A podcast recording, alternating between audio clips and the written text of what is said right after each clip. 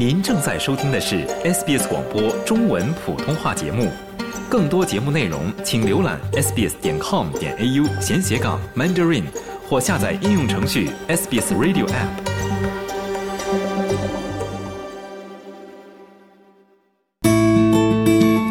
我家的果树为何不开花、难挂果呢？有机肥、无机肥，琳琅满目的肥料，该如何选择？对症下药。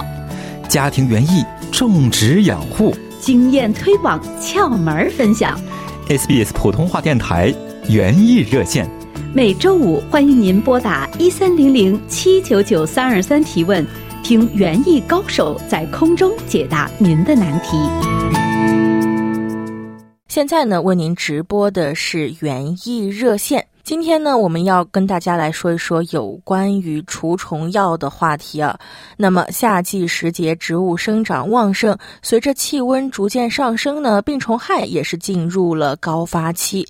不少种植爱好者呢，可能会经常被诸如蚜虫、白粉病之类的虫害问题所困扰。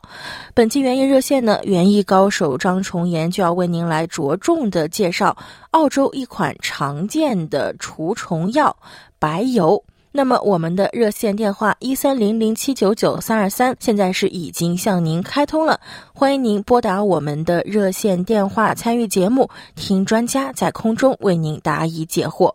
那么我们也是先来和张老师打一个招呼，张老师早上好。主持人你好，大家好。嗯张老师，种菜养花呢，可能都是免不了要用到各种各样的杀虫药，要对症下药的话，可能我们才能获得更好的效果啊。那今天呢，我们就跟大家来主要说一说一种非常常见的澳洲的除虫药——白油。那白油是一种什么样的除虫药呢？张老师？呃，白油呢，大家种花种菜的人都能听到过，啊，在网上也看到过。嗯呃，好多人也经常去买的。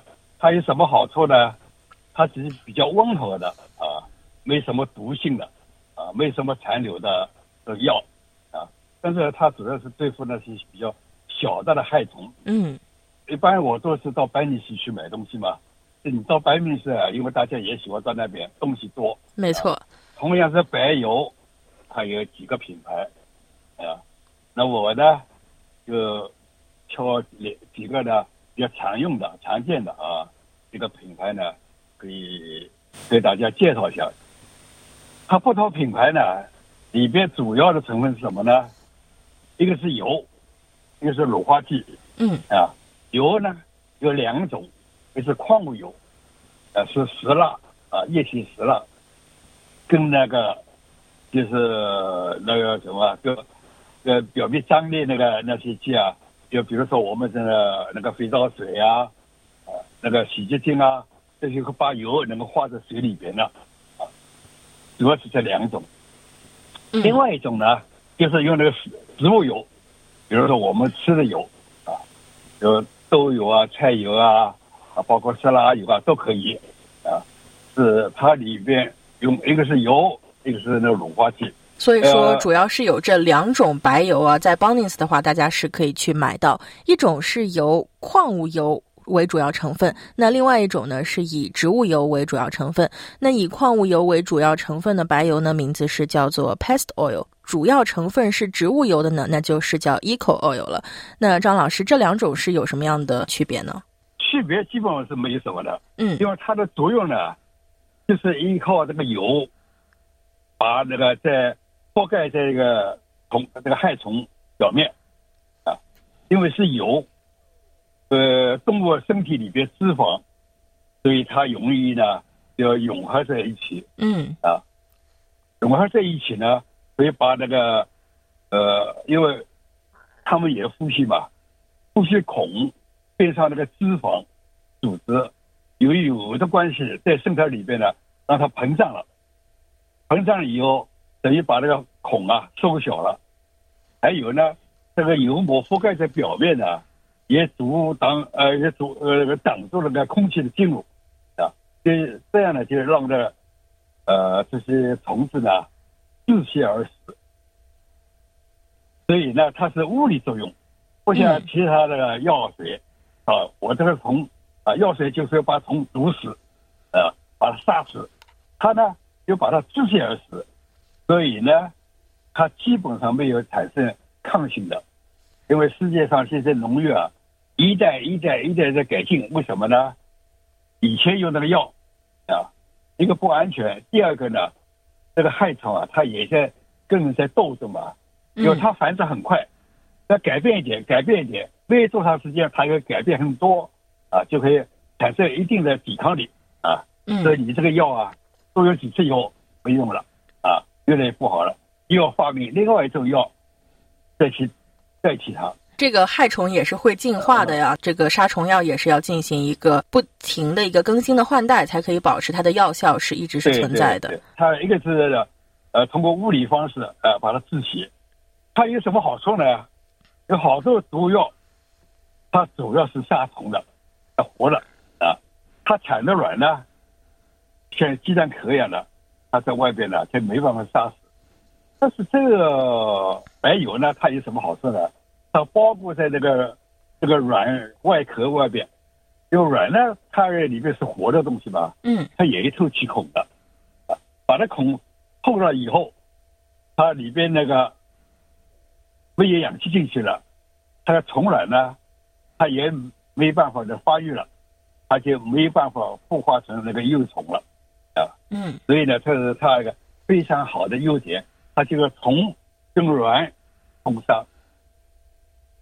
第二个呢，它可以影响影响他的行动啊行为，因为它有把这个他这个感觉器官，它的眼睛啊，因为同时他很敏感嘛，他会闻到气味啊，比如它配偶了，他一定会会找到那个，他通过什么感觉器官去找到那个对方，由于有这个油。给它包住了，啊，包住了以后呢，他就失去这个这个感觉了，就会影响他的交配，他找不到老公，找不到老婆了啊。也还有呢，他要找东西吃，他有个感觉器官，要闻到的味道，因为他把他的鼻子都堵死了，他闻不到气味了，他就很难呢再去找那个吃的东西。白油的防虫的原理真的是非常的温和，相对于来说也是一个比较环保的方法。大家呢，如果是想要去一个比较环保的方法去杀死家中的一些害虫呢，比如说蚜虫呀，或者是白粉虱这一类的呢，也是可以选用白油。听众朋友们，现在我们也是来稍事的休息一下，广告之后欢迎您继续收听 SBS 电台的中文普通话节目。我们呢要继续为您带来园艺热线的节目，本期的园艺热线。呢，我们要为您着重介绍澳洲一种常见的除虫药——白油。那么，如果您有任何同园艺相关的问题呢，欢迎您拨打我们的热线电话一三零零七九九三二三一三零零七九九三二三，听专家在线上为您答疑解惑。听众朋友，您现在正在收听的是 SBS 普通话电台每天两个小时的节目。现在呢，为您直播的是园艺热线。听众朋友们，本期园艺热线呢，我们要着重为您介绍澳洲一种常见的除虫药——白油。那么，我们的热线电话一三零零七九九三二三一三零零七九九三二三，现在是已经向您开通了。如果您有任何同园艺相关的问题呢，欢迎您拨打我们的热线电话。听专家在空中为您答疑解惑。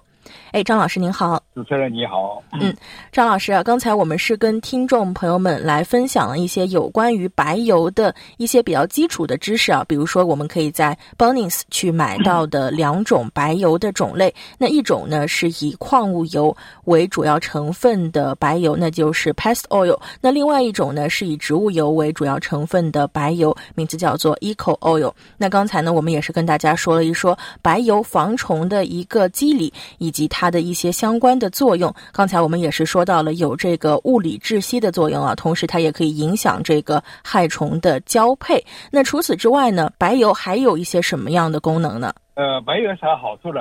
它不单是杀虫，也能杀菌。嗯啊，是一般的杀虫药水呢，它不具备这个功能的。啊，呃，因为杀菌呢，它可以呢。杀虫呢，把一种油膜把害虫盖死了。那它杀菌呢，也是同样的原理。假如说你这个病菌啊，在油啊在叶子表面表面上有一层油毛啊，它的菌丝啊就不用于繁殖。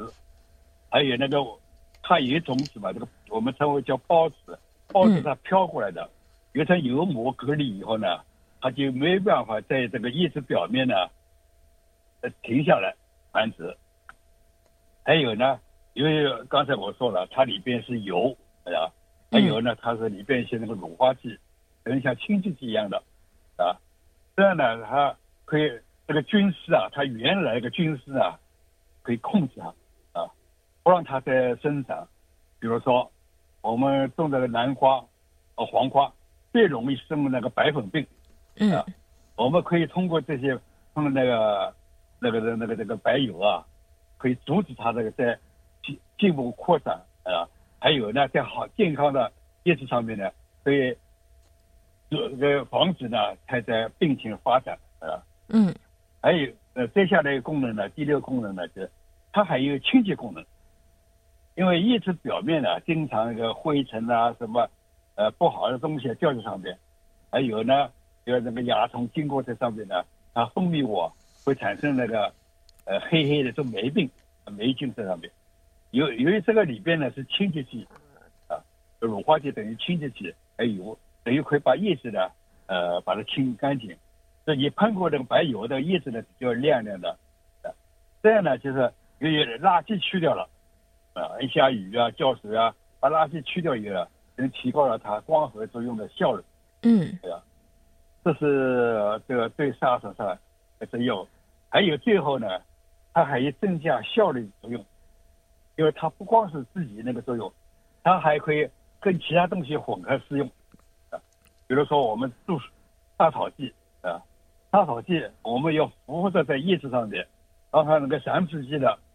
呃，吸接触那么吸收，才能提高它这个杀好的效率，啊，还有或者其他的杀虫剂，啊，我们加了这个东西以后呢，可以帮助这个符合附在那个呃叶子表面，帮助它在叶子表面均匀的分布，啊，这呢可以可以提高它的效率。白油呢，它用处是比较全面的，啊，嗯，又杀虫又杀菌，啊，还有那个。呃，提高的那个效率啊，嗯，真的是一种非常啊实用的一种杀虫药啊。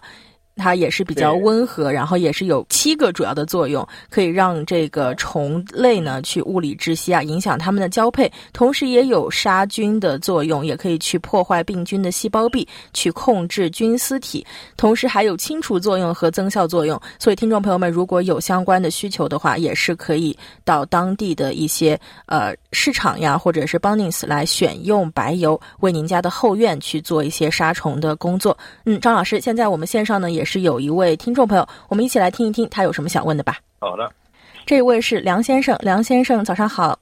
啊，早上好。嗯，请问你有什么想问的？想问一下那个我的菜地，就是说种了几年以后呢，呃，那些泥啊，那个土啊都比较硬啊，所以他就以后就再种的话，就很一块一块的那些泥，那个土很硬，是有什么办法呃把它就搞松？是这个意意思啊，这看呢，一个原来的土是什么呃性质的？假如你是粘土的啊，或者沙土的，可以处理方式不一样。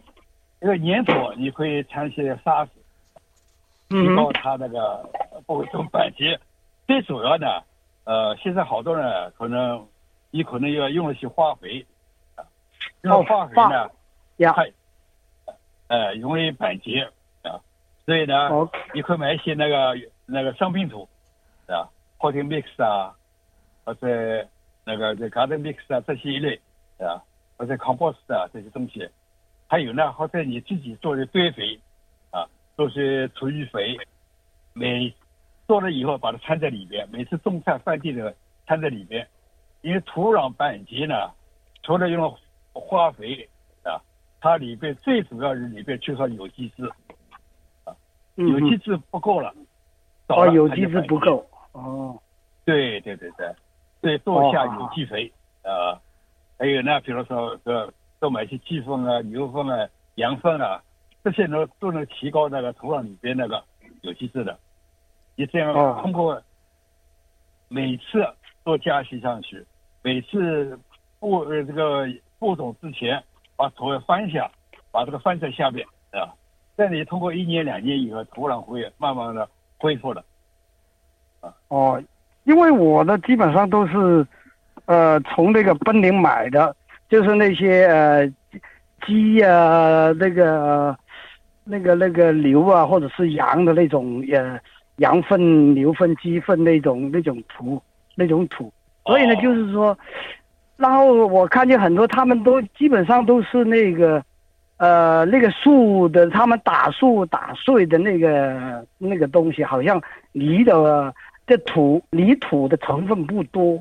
那请问您有什么好建议？去什么地方去买一些比较 适合于种蔬菜类的那个那个泥土吗这你在 A N L？A N 这个公 L 哦哎，OK 它有好多的土，因为它 OK 都 A 提 N 供 L 土了呀 OK 呃，它里面还有一种成分是 vegetable 种蔬菜的，它里边那个掺了好多牛粪啊什么东西，因为它里边呢是不要看它是一种土，它里边有六七种不同成分的，好好。所以呢买那个土来种菜效果很好。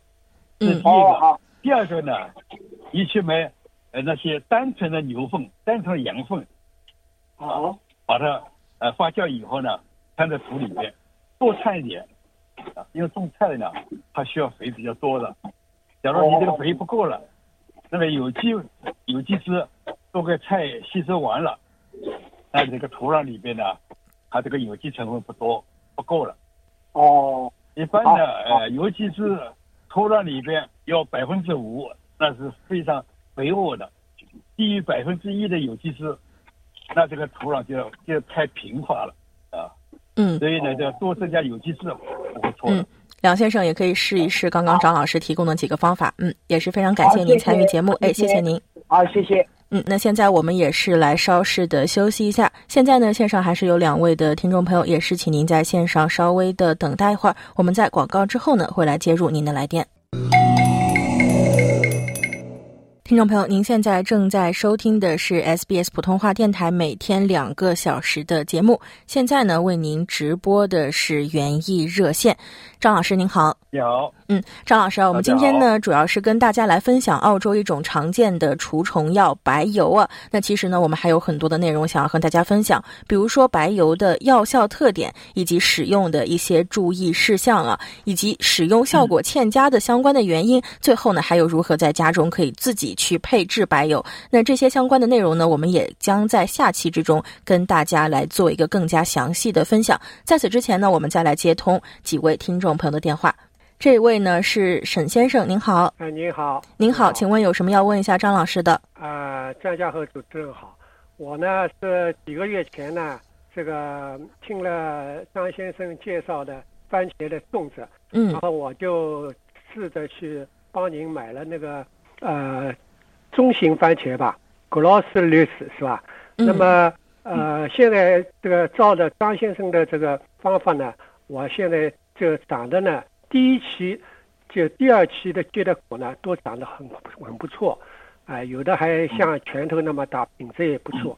但是呢，现在到了中后期了，我发现有两个问题，一个呢是呃有的番茄啊底部出现了褐斑，还有的呢是这个顶部呢出现了裂纹。那么我想请教一下这个专家，这些是呃什么情况？嗯呃，这个现象呢是明显的，它缺钙，呃，钙缺少了，因为结果了，它需要大量的钙的，哎，因为土壤里边的钙不够了以后呢，你用的肥啊，比如底肥有钙，堆肥就就钙不够啊，所以我们需要的要提高它的堆肥里边呢，要要增加那个钙肥，因为钙缺少了以后呢，它它番茄每一样东西都有细胞壁嘛，啊，细胞壁强度不够啊，还有雨水一多，它就撑破了。你说刚才它那个顶上有斑了，它的皮肤病，也就明显的这个钙的缺少的症状啊，所以你要补钙。那么主要就是缺钙的是吧？那么我现在呃手头有那个过磷酸钙，这个可以用吗？对可以，可以。就是喷叶子还是灌根？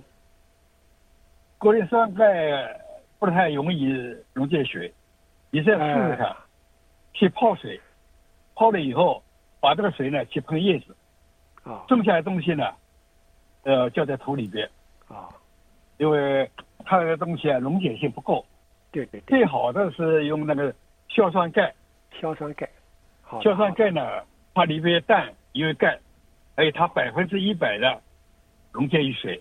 啊这样呢，你喷叶子呢，它补钙的很快，啊今天喷了，它就马上能够吸收了。啊再过两天再喷一次，过几天喷一次。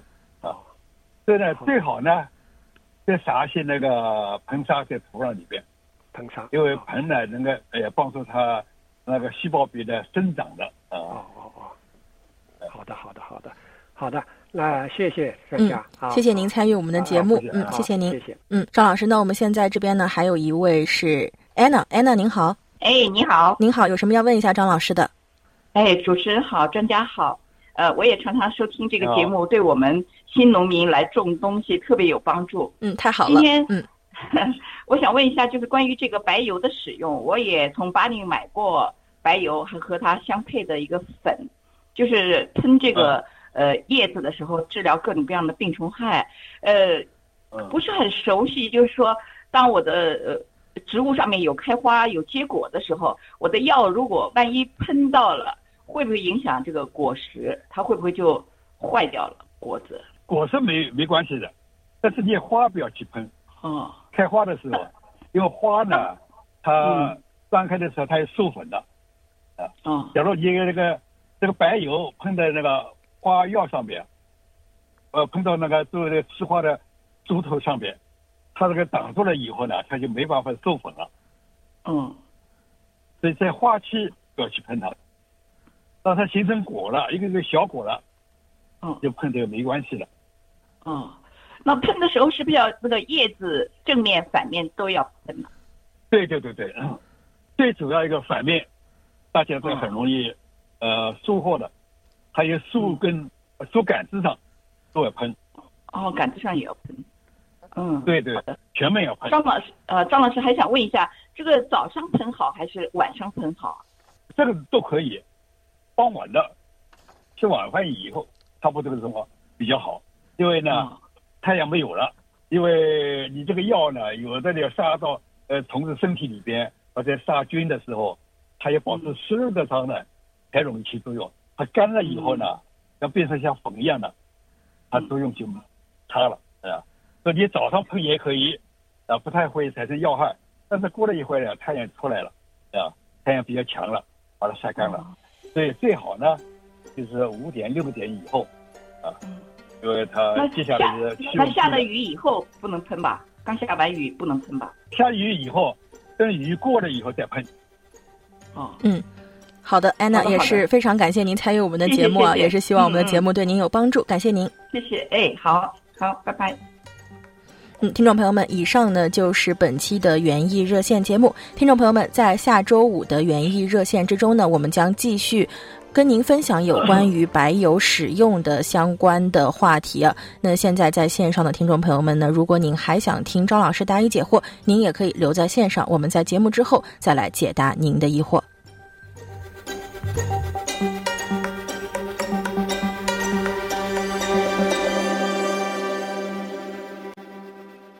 这一位是 Kayan，嗯，哎，你好，张您好有什么想问一下的。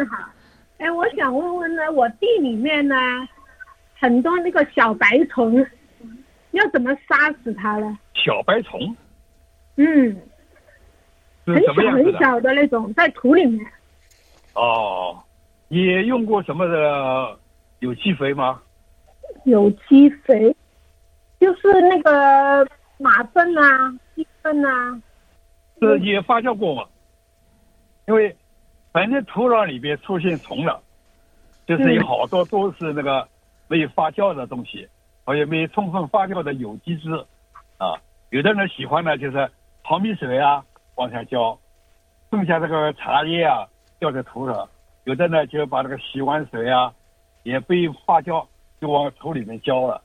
这样土里边呢，好多有机质，有机质呢就是那些各种各样的虫子呢，它会有有的好吃东西了，就在这里繁殖了。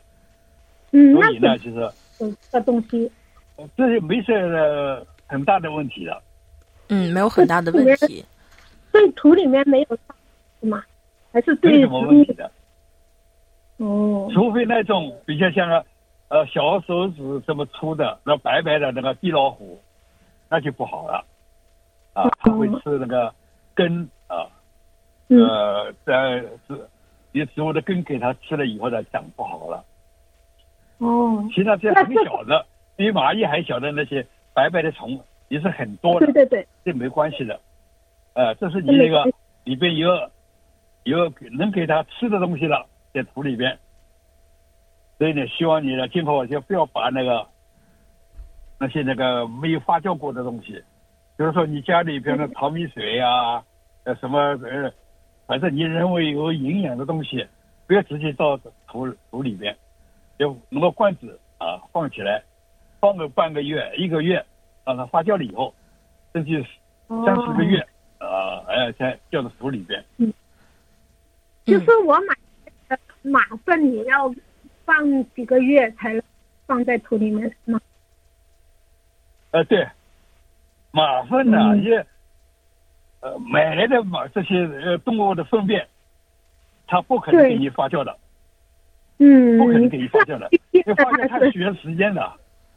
嗯只不过这个马粪的新鲜的程度不一样，但是肯定它没有充分发酵。嗯这拿回来以后呢，最好把它堆在那边，要调整一下水分，太干也不行啊，太湿了也不好。调干了以后，把它堆在那边放两三个月，你再去用，哦。那是你放心了。